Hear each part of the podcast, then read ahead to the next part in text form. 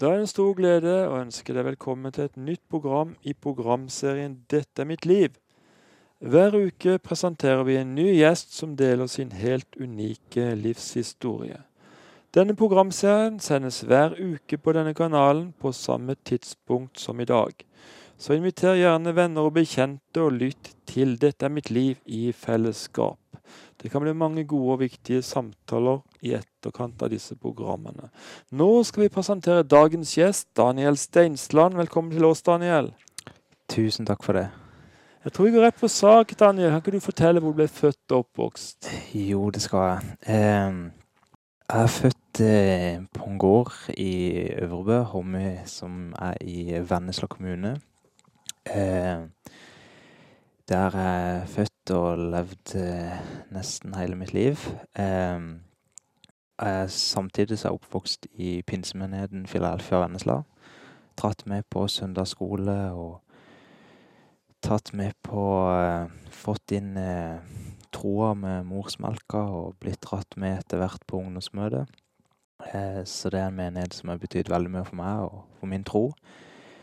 Min barndom var også prega av Jeg var veldig glad i, i idrett, så det begynte med fotball og etter hvert langrenn og sykling og skiskyting. Og veldig glad i å konkurrere og var veldig aktiv i idrett. Og det var etter, etter hvert det som jeg også ville satse videre på.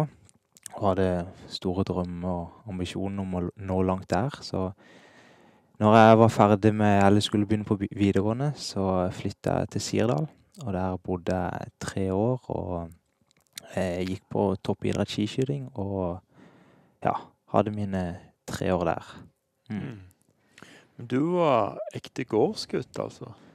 Ja, eh, pappa har drevet gården på fulltid, og da var det en naturlig del at oss ungene måtte være med. Så jeg har vært med på og lært veldig masse, og alltid vært jobb og alltid vært noe og, og gjort hjemme. Så, så det når jeg ser tilbake, så er det noe som egentlig er veldig takknemlig for. Og når jeg blitt eldre nå, så ser jeg bare hvor mye mer jeg setter pris på det å komme seg ut i heia, om det er en løpetur i heia eller ut på jakt. Og det å være i, i Guds natur og, og bruke kroppen også. Mm. Eh, For oss byfolk så er det interessant å høre da, hvordan er egentlig livet på en gård? Ja, åssen er livet på, på en gård? Eh, måtte, vi måtte nok alle oss, eh, eller mine brødre, vi måtte jo bidra. Vi vi har hatt en eh, veldig variert eh, eh, produksjon på gården. Eh, alt fra eh, eggproduksjon, eh, jordbærproduksjon og eh, storfe og etter hvert sau og saftproduksjon. Så vi har måttet egentlig bidra, men jeg har vært veldig heldig for hver sommer og ha hatt eh, sommerjobb og alltid vært noe i år på gården. Så jeg har alltid fått hatt jobb og kun tjent penger. Mm. Eh, Steinsland jordbær, det er jo et begrep her på Sørlandet. Det å ha noen saftige, fantastisk gode jordbær som dere selger hvert år i jordbærsesongen. Hva er hemmeligheten? Ja, hemmelighetene kan jeg nok ikke røpe her. Men eh, det er godt at vi har et eh, godt rykte på oss, er det det vi ønsker. Og, og der har jeg jo vært med siden jeg har vært liten, og alltid vært med og solgt jordbær fra jordbærbua, og etter hvert vært med og, og kjørt ut jordbær. Så det, det har vært en familiedrift der alle har vært i sving. Trygt og godt å vokse opp på bondefarm. Absolutt. Ja. Det er det. Åssen lyktes du på skolen og sånn? Eh, det var nok eh, helt greit. Eh, trivdes Gym var jo det faget jeg likte aller mest. Eh, eh, jeg var nok eh, ikke den dårligste, men kanskje ikke den aller beste, men var sånn midt imellom. Og ja, men jeg syns eh, likte bedre matte enn norsk, og, men også veldig glad i de praktiske fagene. Mm. Men så ble idrett det ble liksom det store. Ja, det var Helt siden vi har vært eh, små, så har iallfall meg og min, min eldrebror, som er ett år eldre, vi har alltid konkurrert eh, om de små tingene og store tingene. Så først konkurrerte vi i, i fotball, og så var det langrenn, og etter hvert skiskyting, da. Så det der har vi fulgt hverandre tett og, og trent masse sammen. Eh, og hatt en sånn veldig stor lidenskap for det. Nå, nå er det Vi har jo gitt oss begge to, men det er nok han som er mest aktivt nå. Så han er med som trener og fortsatt eh, litt aktiv.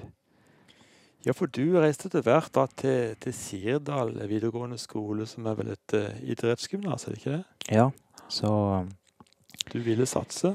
Ja, i 2010 så, så reiste jeg der, og da besto egentlig hele livet. Det var, det var skole, og så var det trening og sove, spise og, og trene. Så da var det ofte to økter om dagen og eh, planlegging av trening, og det var ute og konkurrere. Og, men et veldig de, Iallfall de første årene var, var veldig spennende, så det kunne lære mer om om trening, åssen kroppen fungerer, og tett oppfølging, og, og være i et miljø der, der andre er samme, eh, samme interesse og, og, gode treningskamerater. Så det var noen, noen spennende år der oppe. Nå sier du her med en fotball til, til mage, da, så har jeg ikke vært den beste å trene. da, Men det ble ikke litt ensformig da, med, med all den treninga? Og, og, bare trene og spise, liksom? Jo, og det var nok eh, Nå var den skolen ligger jo i, i Tonstad i Sirdal, og det var jo langt vekke fra alt. Eh, så det var ikke så mye annet å gjøre enn å trene. Eh, men eh, når jeg tenker tilbake den tida, så, så tror jeg lente alt på meg bak til Det var det eneste jeg hadde.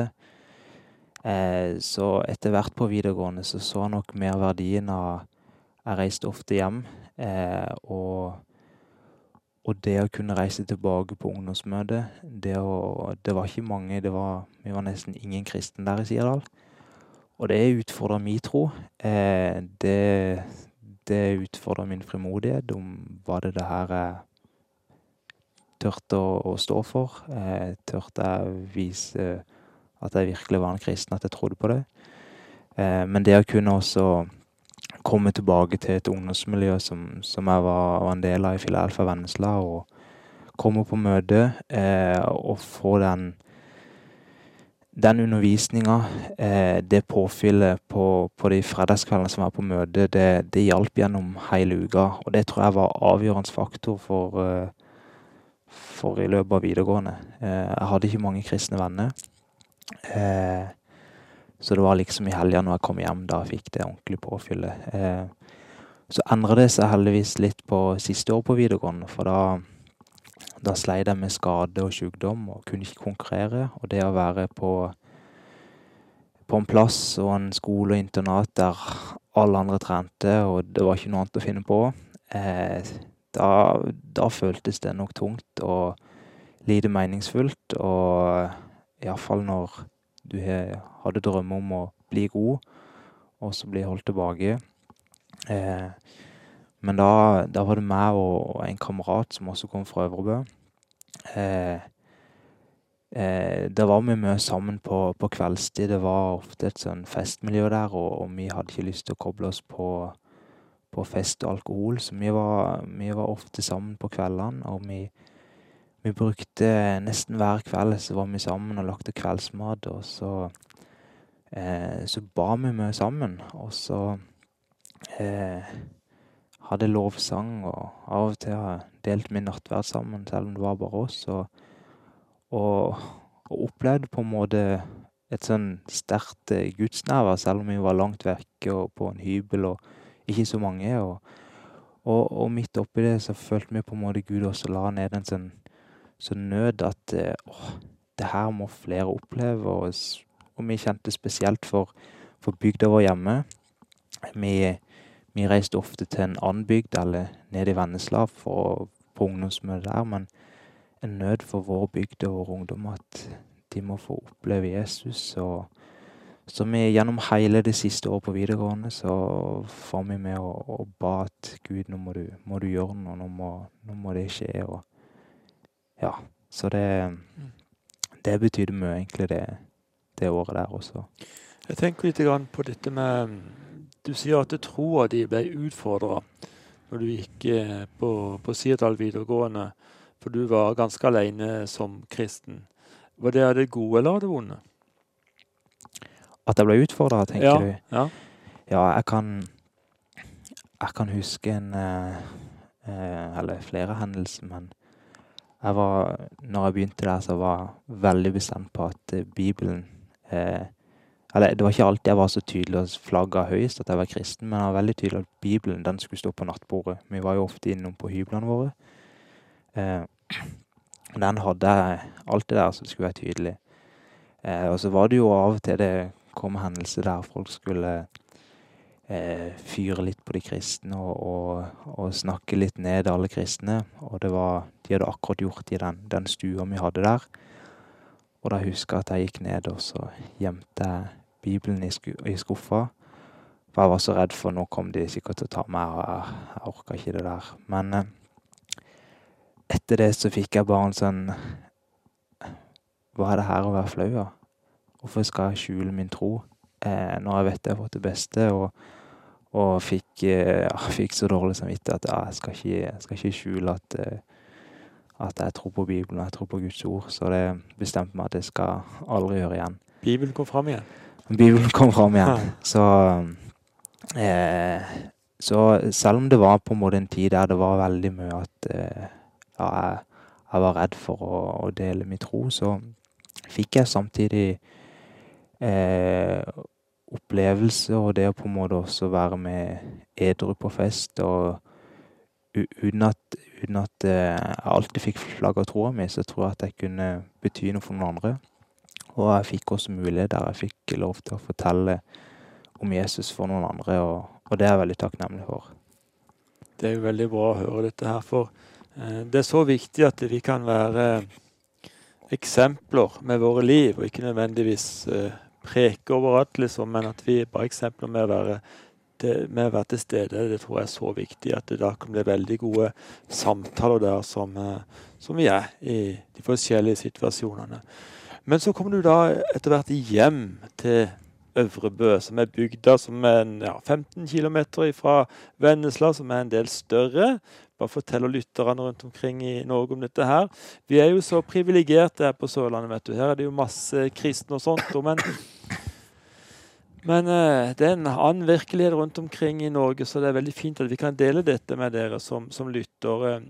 Uh, du kom tilbake til Øvrebø. Det var ikke noe ungdomsarbeid uh, som fungerte noe særlig der, men det kom du inn i etter hvert. Du må fortelle. Ja, nå var det jo masse det var masse ungdomsarbeid og Eller masse ungdomsklubber.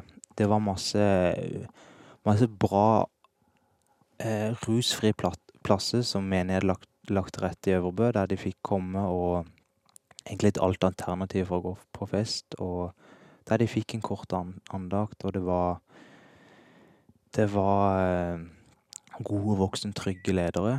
Eh, så det var mye ungdommer på de her kristne fritidsklubbene. Men eh, mens vi var på, på videregående, så, så, var det jo nettopp det vi, vi, vi ba meg og han kameraten at at ungdommer ikke bare skal ha kjennskap til Jesus, men de virkelig skal bli kjent med han og få et sånn personlig forhold til han. For det var det som forandra meg når jeg gikk over fra barnetro og til personlig tro. Eh, og når man ber lenge over en ting, så er det jo ofte at Gud ofte kaller en sjøl. Eh, og det opplevde vi nok begge to.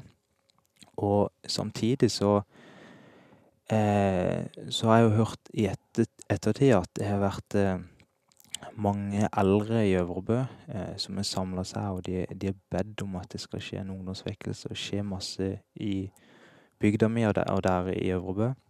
Og det kommer også profetier at det skal skje en ungdomsvekkelse. Så det var nok en, en timing i det. Og når vi eh, tar kontakt med Øvrebø frikirke, som er eh, frimenig der i Øvrebø. Så deler med litt tanke, og, og flere av ungdommene responderer og kjenner at ja, det her må vi gå for. Og så eh, begynte vi å samarbeide, og så, og så etter hvert så arrangerte vi et møte, og så, Så kom det 90 ungdommer på første møte, og ja, så er det kommet masse ungdommer. Og eh, det som også har vært viktig i ettertid, ikke bare at, vi, at eh, vi får lov til å arrangere noe, men vi får lov til å bygge et arbeid og bygge disipler. Og om de flytter på seg, eller om de engasjerer seg en annen plass, at de er kobla på Jesus og kobla på en menighet og kobla på troa. Så det, det har vært veldig spennende. Mm. Du, eh, etter, etter videregående så starta du på, på bibelskole. Det gjorde jeg. Eh, jeg hadde et år i Eller hadde faktisk to år på bibelskole. Først et år på, på Ansgar bibelskole, som var på eh, krigslinje der. Eh, der det var masse spennende. Var veldig glad i idrett. Eh, masse forskjellig idrett. Og så gikk jeg også året etterpå på bibelskolen i Philadelphia Kristiansand, og det var nok et år som eh, betydde enormt mye for meg. Jeg hadde en veldig lengsel etter å eh, bli mer kjent i Bibelen. Eh, Utvikle mitt personlige forhold med Jesus. Og, og det å kunne gå på en bibelskole som er kobla på eh, Eller en del av en menighet som eh, eh, Det har også betydd veldig mye for meg. Eh, å være en del av eh, Philadelphia Kristiansand som som er høyt oppe, det med, det med bønnelivet. Eh, der har det jo vært en bønnevekkelse som virkelig har vært en sin identitet i menigheten. Eh, samtidig en Beklager. Samtidig en menighet som har tatt samfunnsansvar og, og, og, og virkelig brydd seg om de svake i samfunnet, og ikke bare eh, sagt ting, men virkelig gjort det og vist det med, med, i praktisk arbeid. Mm. Så det betydde veldig mye for meg. Eh, dere var jo bl.a. på en studietur til Dream Center i Los Angeles. Velkommen tilbake til programmet 'Dette er mitt liv'. Jeg har besøk av Daniel Steinsland i studio. En ganske så ung kar som har opplevd mye herlig i sitt liv og har eh, lever sterkt med Jesus. Så nå skal du få eh, høre mer til han. Han reiste faktisk til Dream Center i Los Angeles. Eh, Det var som en del av bibelskolen i Philadelphia i Kristiansand. Kan du fortelle litt om den turen, Daniel? Jo, det kan jeg. Det var jo som sagt en, en del av, av skoleturen, eller misjonsturen, når jeg gikk på bibelskolen. Og da besøkte vi eh, Dream Center, som er en del av, arbeidet til eh, en pastor som heter Matthew Barnett, eh, som har sin virksomhet i, i Los Angeles i, i USA.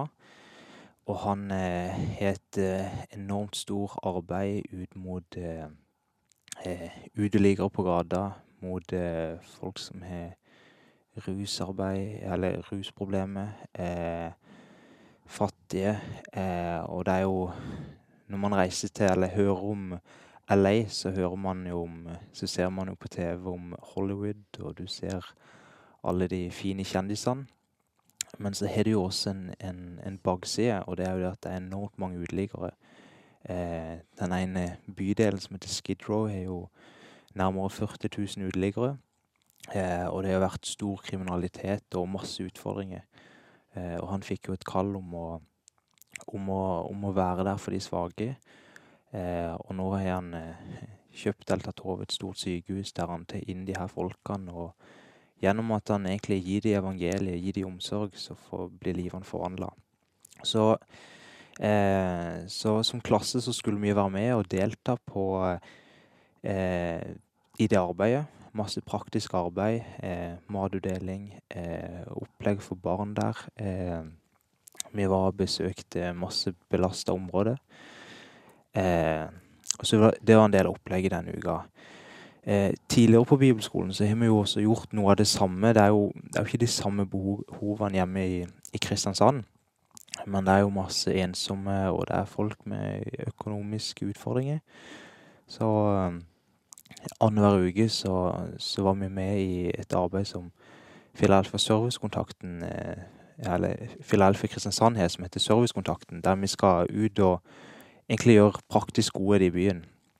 Eh, og jeg husker når, når, vi var med på de oppdragene, så, så ble jeg sånn Oi, det var helt greit, jeg er jo glad i å gjøre praktiske ting, men jeg, jeg følte at jeg, jeg jo betalt for å gå på bibelskole, jeg vil få mest mulig undervisning. Så jeg, likte egentlig ikke så godt at vi skulle sløse vekk tida vår på det. Eh, men når vi var på den turen til, til Dream Center i LA, eh, og i løpet av den uka når eh, eh, Når vi dag på dag og flere oppdrag eh, brukte hendene våre, brukte kroppen vår, eh, pakka matpose, banka på dørene og virkelig viste omsorg for de svakeste i samfunn, for de som var aleine, de som ingen andre brydde seg om. Eh, da bare snudde bildet mitt på hva som egentlig er i kirke. Vi kan tenke bygg, vi kan tenke på de flotte tjenestene. Men det handler jo om at eh, kirka bredt og barmann er der for de svakeste. Eh, og det var jo det nettopp Jesus gjorde. Han var der for de svakeste i samfunnet. Eh, og eh, i løpet av den uka så var det på en måte som om han bare Gud minte meg på at eh, eh, det verset om at eh, eh, jeg var sulten, og dere ga meg mat. Jeg var tørst, og dere ga meg drikke. Og jeg var fengsel. Det dere gjør mot de minste, det gjør dere mot meg. Og det var det med Når vi hjalp de svake, det gjorde vi nettopp mot Jesus. Eh, og det fikk på en måte en helt annen betydning at det er jo det det handler om.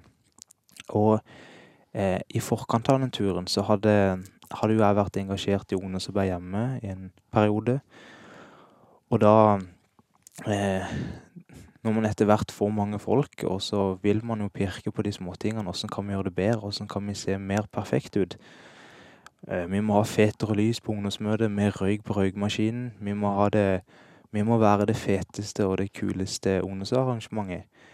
Og etter hvert så blir man litt trøtt av det når man begynner å diskutere det, for det er jo på en måte det er jo ikke det som er det viktigste i pakka. Men når jeg fikk kommet ned der og bare at ja, men det er jo det, det her det handler om. Å være der for de som ingen andre har. Eh, så følte jeg at det var noe Gud la på i mitt hjerte. Det at eh, de svakeste eh, Det er jo nettopp der Jesus kom. Fordi de trenger å bli friske. De trenger å få livet sitt forvandla. Eh, eh, så det kjente jeg at når jeg på flyturen hjem at eh, OK, nå har jeg vært litt negativ innstilt til, til det til servicekontakten som, som vi på bibelskolen hadde vært med tidligere og hjulpet med de behovene som var i Kristiansand. Og så tenkte jeg ok, jeg kan jo jeg skal snu den innstillinga, og kanskje jeg skal jeg har litt lyst til å bidra mer her. Her har jeg fått så mye bra på turen.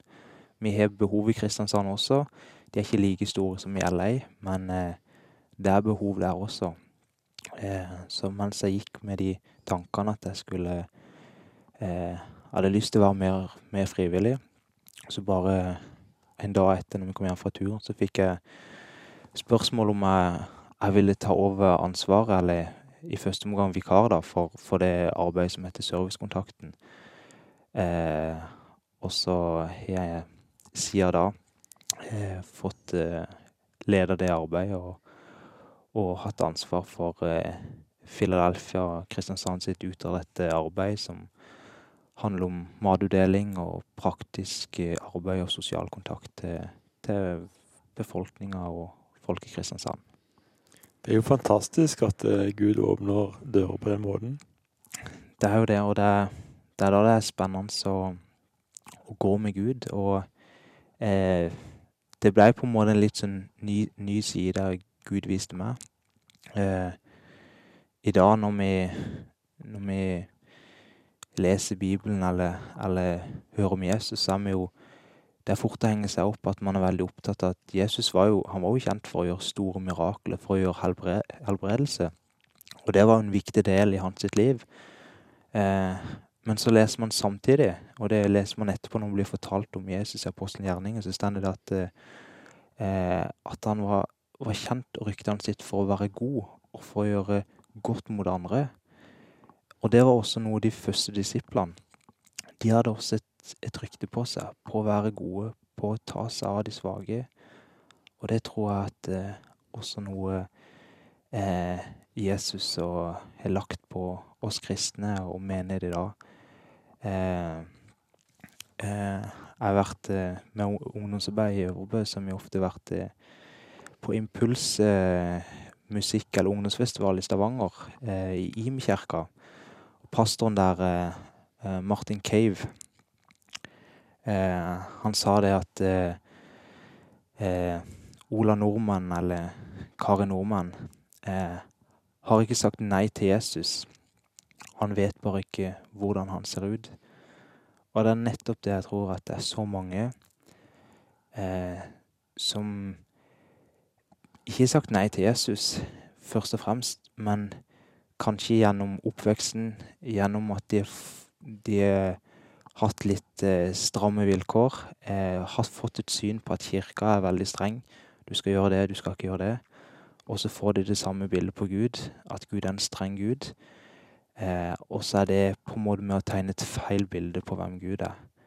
Eh, og da tror jeg at det er ekstra viktig at oss som kristne, og som menigheter, at vi bretter barna armene og så viser Guds godhet. For det er jo den godheten som Gud har vist oss, som vi bør vise til andre. Eh, og det har vi sett i, i Kristiansand. Eh, det med at eh, vi ukentlig er med og deler ut mat til, eh, til folk med dårlig økonomi. Og det er folk eh, Det kan være folk med innvandrerbakgrunn, det kan være folk med rusbakgrunn, eller det kan være folk som er bare kommet i en, i en gjeldskrise. Eh, at familier går fra hverandre, og så blir økonomien krevende. Og det at de tar kontakt og spør om oss kristne i Philadelphia kan vi hjelpe. Eller at nå ser vi veldig med at om det er Nav eller andre sosialkontor som, som sender det videre at ja, men Philadelphia kan hjelpe. Eh, det ser vi en døråpner eh, for så mange å prate, eh, og for å invitere det inn i et fellesskap, for det er også mange trenger, til å være med i en menighet og et fellesskap, og så etter hvert at de skal få lov til å, få lov til å bli kjent med Jesus. Det er jo en nydelig måte å gå fram på, syns jeg. At det der kan gå hånd i hånd med evangeliet og med sosiale arbeid som dere driver. Men du er jo også ungdomsleder i Øvrebrø, Øvrebø frikirke. Um, hva er dine virkeområder der? Eh, Ja, eh, jeg har jo vært med både, eller mest ansvar for i ungdomsarbeidet i Øvrebø. Og der eh, har jeg vært med i ungdomsarbeidet, eh, som vi kaller Fokus, som er ungdomsmøte. Eh, der jeg har hovedansvaret, alt fra eh, et lederteam som er med meg, og følge opp og disippelgjøre det. Eh, og så eh, taler jeg litt på ungdomsmøtene. Eh, så har jeg bibelgruppe for ungdom. Eh, og så jobber vi tett sammen. Vi er tre stykker barne- og ungdomsstab som er ansatt her, så vi jobber jo tett sammen. Eh, ellers så reiser vi eh, på turer.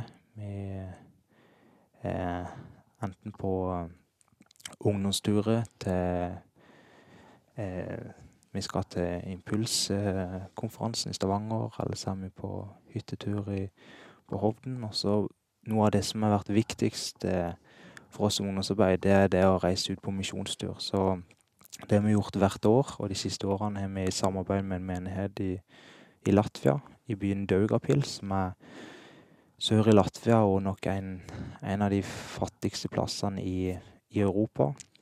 Og der har vi hvert år arrangert teamtur og samarbeider med menigheten og drift, eh, vært med og drevet ut, utadrettet arbeid med gatemøte og evangelisering på gata og praktisk arbeid. Og det har vært eh, utrolig bra. Og hvert år så ser vi ungdommer som kommer hjem forandra, ungdommer som er tent på Jesus, ungdommer som, eh, som virkelig får, får nød for å følge Jesus. Og, eh, og det er gull verdt å, å få de engasjert med i ungdomsarbeid, og så få lov til å bety noe i, i bygda si der de kommer fra. Det er jo utrolig viktig, dette du er inne på her. Velkommen tilbake til programmet 'Dette er mitt liv'. Jeg har besøk av Daniel Steinsland i studio. Daniel, du har fortalt at eh, du med din ungdomsflokk reiser på misjonsturer i Europa. Eh, hva er det første du gjør når du skal reise på misjonstur? Eh, før vi reiser på tur, så samler vi jo et, et, et lederteam. Vi er mange fantastisk flotte ledere og ungdomsledere der. Eh, så vi bruker jo tid på, på både planlegge praktisk, men også på å be. Og prøve oss å lytte til Guds stemme, hva, hva er spesielt for denne turen. Eh, og så forbereder vi ungdommene på vitnesbyrd, og noen er drama, noen er lovsang og sang, og eh, på en måte mest mulig klart. Og så eh, Så det som også har vært viktig på våre turer, som vi har satt fokus på at eh, vi på selve turen så, så starter vi alle dagen med å ha stilletid eller solotid og prøve å lytte til Guds stemme. Hva, hva har det for denne dagen? Og prøve å stille oss inn med, med, med både i bønn og, og tid i Bibelen alene. Og, og det, der er det mange ungdommer som har fått en sånn aha-opplevelse. Og det, det, er veldig spennende å se at uh, i så ung alder så betyr den, den stilletida og den tida Bibelen blir en helt sånn ny uh, opplevelse. Er det ungdommene selv som betaler for denne reisa, eller? Ja, det er en egenandel som, som alle, alle som hver deltaker betaler sjøl. Og så samler vi inn penger til prosjektet der nede. Til litt etter behovene som er i menigheten der nede. Så det er jo noen som virkelig vil på tur, da? Ja, det er det. Så, så det er stort, stort misjonsengasjement. I tillegg til den turen så har vi også eh, reist de, de, to siste årene til, på kampanje i, i Bangladesh. Eh, det hadde vært litt eldre ungdom og også voksne fra menigheten. Og det har vært utrolig spennende å, å være med på. Da har vi reist sammen med, med Helge Flatøy og reist inn plasser der det ikke finnes noen kristne. Eh, og fortelle evangeliet vitnesbyrd og vi har sett tusener blitt frelst, og eh, vi har opplevd helbredelse. Folk som har hatt svulst, som er blitt helbreda. Og eh, folk som har vært blinde, som er helbreda. Og det har vært enormt sterkt å, å se hva, hva, Gud har gjort, og ja, så mange som er blitt lagt til i menigheten. Så det har vært veldig spennende. Ja, det må jo være veldig sterke inntrykk, da? Ja, det gjør det. Og noe av det som på en måte er like viktig, at når vi arrangerer den turen, så, så er kampanjen en del av turen. Men eh, når vi samler inn eh, kollekter kollektor til å arrangere den turen, så er en del av pakka at, eh, at vi skal også ha penger til å støtte bibelskolen de driver, for å få opp nye evangelister og pastorer. Og så er vi med å støtte en pastor som etter vi har vært der i tre-fire dager hatt kampanje, så skal han eh, følge opp alle de nyfrelste. Eh, og så lønner vi han ett år, og så skal han klare seg etter det. Og så er vi også med å lønne de, eller betale bibler for alle de nyfrelste. Så den, den oppfølginga og, og, det som skjer etterpå, den er like viktig. Det høres jo helt fantastisk ut, altså. Flott tjeneste der står i. Um, du uh, er jo veldig opptatt av ungdomsleder i Øvrebro frikirke. Og så er du med og leder da servicekontakten i Philadelphia i Kristiansand. Eh, får du tid til noe kjæreste, eller?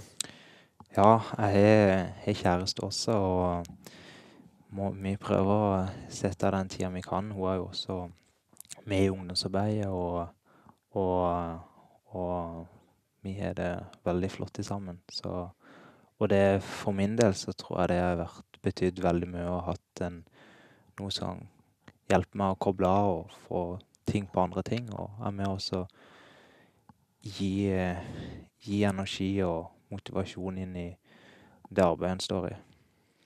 Veldig sant. Og så har jo du eh, vært en seriøs eh, skiskytter tidligere. Har du noen gang tenkt å ta opp den ballen? holdt jeg på å si?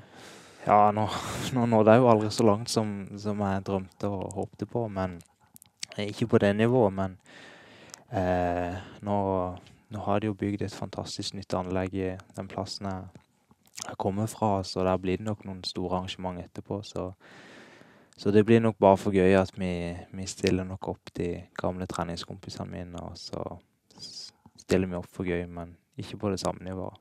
Mm. Men du følger vel med, tenker jeg? Ja, det gjør jeg. Du har jo et, eh, også et kall til til å forkynne. Kan ikke du komme med en hilsen nå til, til lytterne? Ja. Eh, det som eh, Det som jeg ser eh, veldig mange i dag eh, Vi ser på, på eh, hva vi vil med livet. Alltid når, når jeg treffer folk, så er det jo eh, Hvem er du? Eh, hva holder du på med? Og da har vi jo helst lyst til å si at jeg har den fine jobben. Jeg studerer det. Eh, for vi har jo lyst til å være noe. Og sånn er jo hele samfunnet skrudd opp. Vi vil ha flest mulig likes på Facebook. Vi vil bli mest mulig anerkjent. Og det tror jeg ligger i, i naturen i, i oss mennesker. Men så tror jeg at eh, sånn som utviklinga har vært med digitale utviklinger, eh, og det skjedde så enormt masse på, på få år, så har det gjort sånn med, oss mennesker at vi, vi blir veldig opptatt av å være noe, og da får vi et sånn veldig fokus på meg sjøl. Og, og de tankene har jo, jo jeg så godt med. Jeg vil jo være noe. Eh, men så lenge jeg fokuserer på meg, så vil jeg, og spør hva vil jeg med livet, så vil jeg aldri klare å finne en mening med livet. Eh, det er jo ikke jeg sjøl som har skapt meg. Jeg tror jo ofte at jeg vet best om åssen jeg vil ha det. Men hvis jeg skal klare å finne en mening med livet, hvis jeg skal klare å, å, å, å se hva som framtida er, hva som, hva som gir meg mening, så må jeg jo begynne med Han som har skapt meg. Og eh, da må jeg gå tilbake til min skaper og se på Gud, hvorfor har du skapt meg? Og der har han jo gitt meg eh, hans ord, Bibelen. Eh, og Bibelen forteller jo masse om hvem jeg er, hva han vil med mitt liv, hans sine tanker for meg. Eh, og det er så mange som opplever en tomrom i livet, som opplever depresjon, som opplever at de ikke klarer noe til. Eh, og det tror jeg, og det ser jeg blant ungdommer, det er det at de fyller seg med usannheter. Fyller seg med løgn. Fyller seg med tanker hva andre sier, og så begynner de å tro på det. Men hvis man skal klare å leve et liv i friheten, og få lov til å oppleve et liv der som gir mening, som ikke er perfekt Det vil selvfølgelig komme motgang i liv, men han har alltid lovt han vil gå med. Og hvis man skal oppleve sånn liv, så må man vende blikket opp og spørre Jesus, hva har du for mitt liv? Og så begynne å søke Bibelen, for i Hans ord så finner man så enormt mange eh, sannheter over hvem jeg er. Folk tenker at det bare er sannheter over hvem Gud er, men han forteller masse sannheter over hvem jeg er, hvem han har skapt meg, og hvilken verdi som, som jeg har. Eh, og det har jeg opplevd for mitt liv, og jeg har erfart det i så mange andres liv også, at når sannheten kommer fram, Guds ord som er sannheten, så skapes det en forandring og en frihet i livet. Så begynn å søke Guds ord. Begynn å søke Guds ansikt, og søk han i bønn, søk han i Bibelen, og koble deg på en menighet. Hjertelig takk skal du ha, Daniel Steinsland, for at du stilte som gjest i denne programserien. Må Gud rikelig velsigne deg og din tjeneste i årene fremover.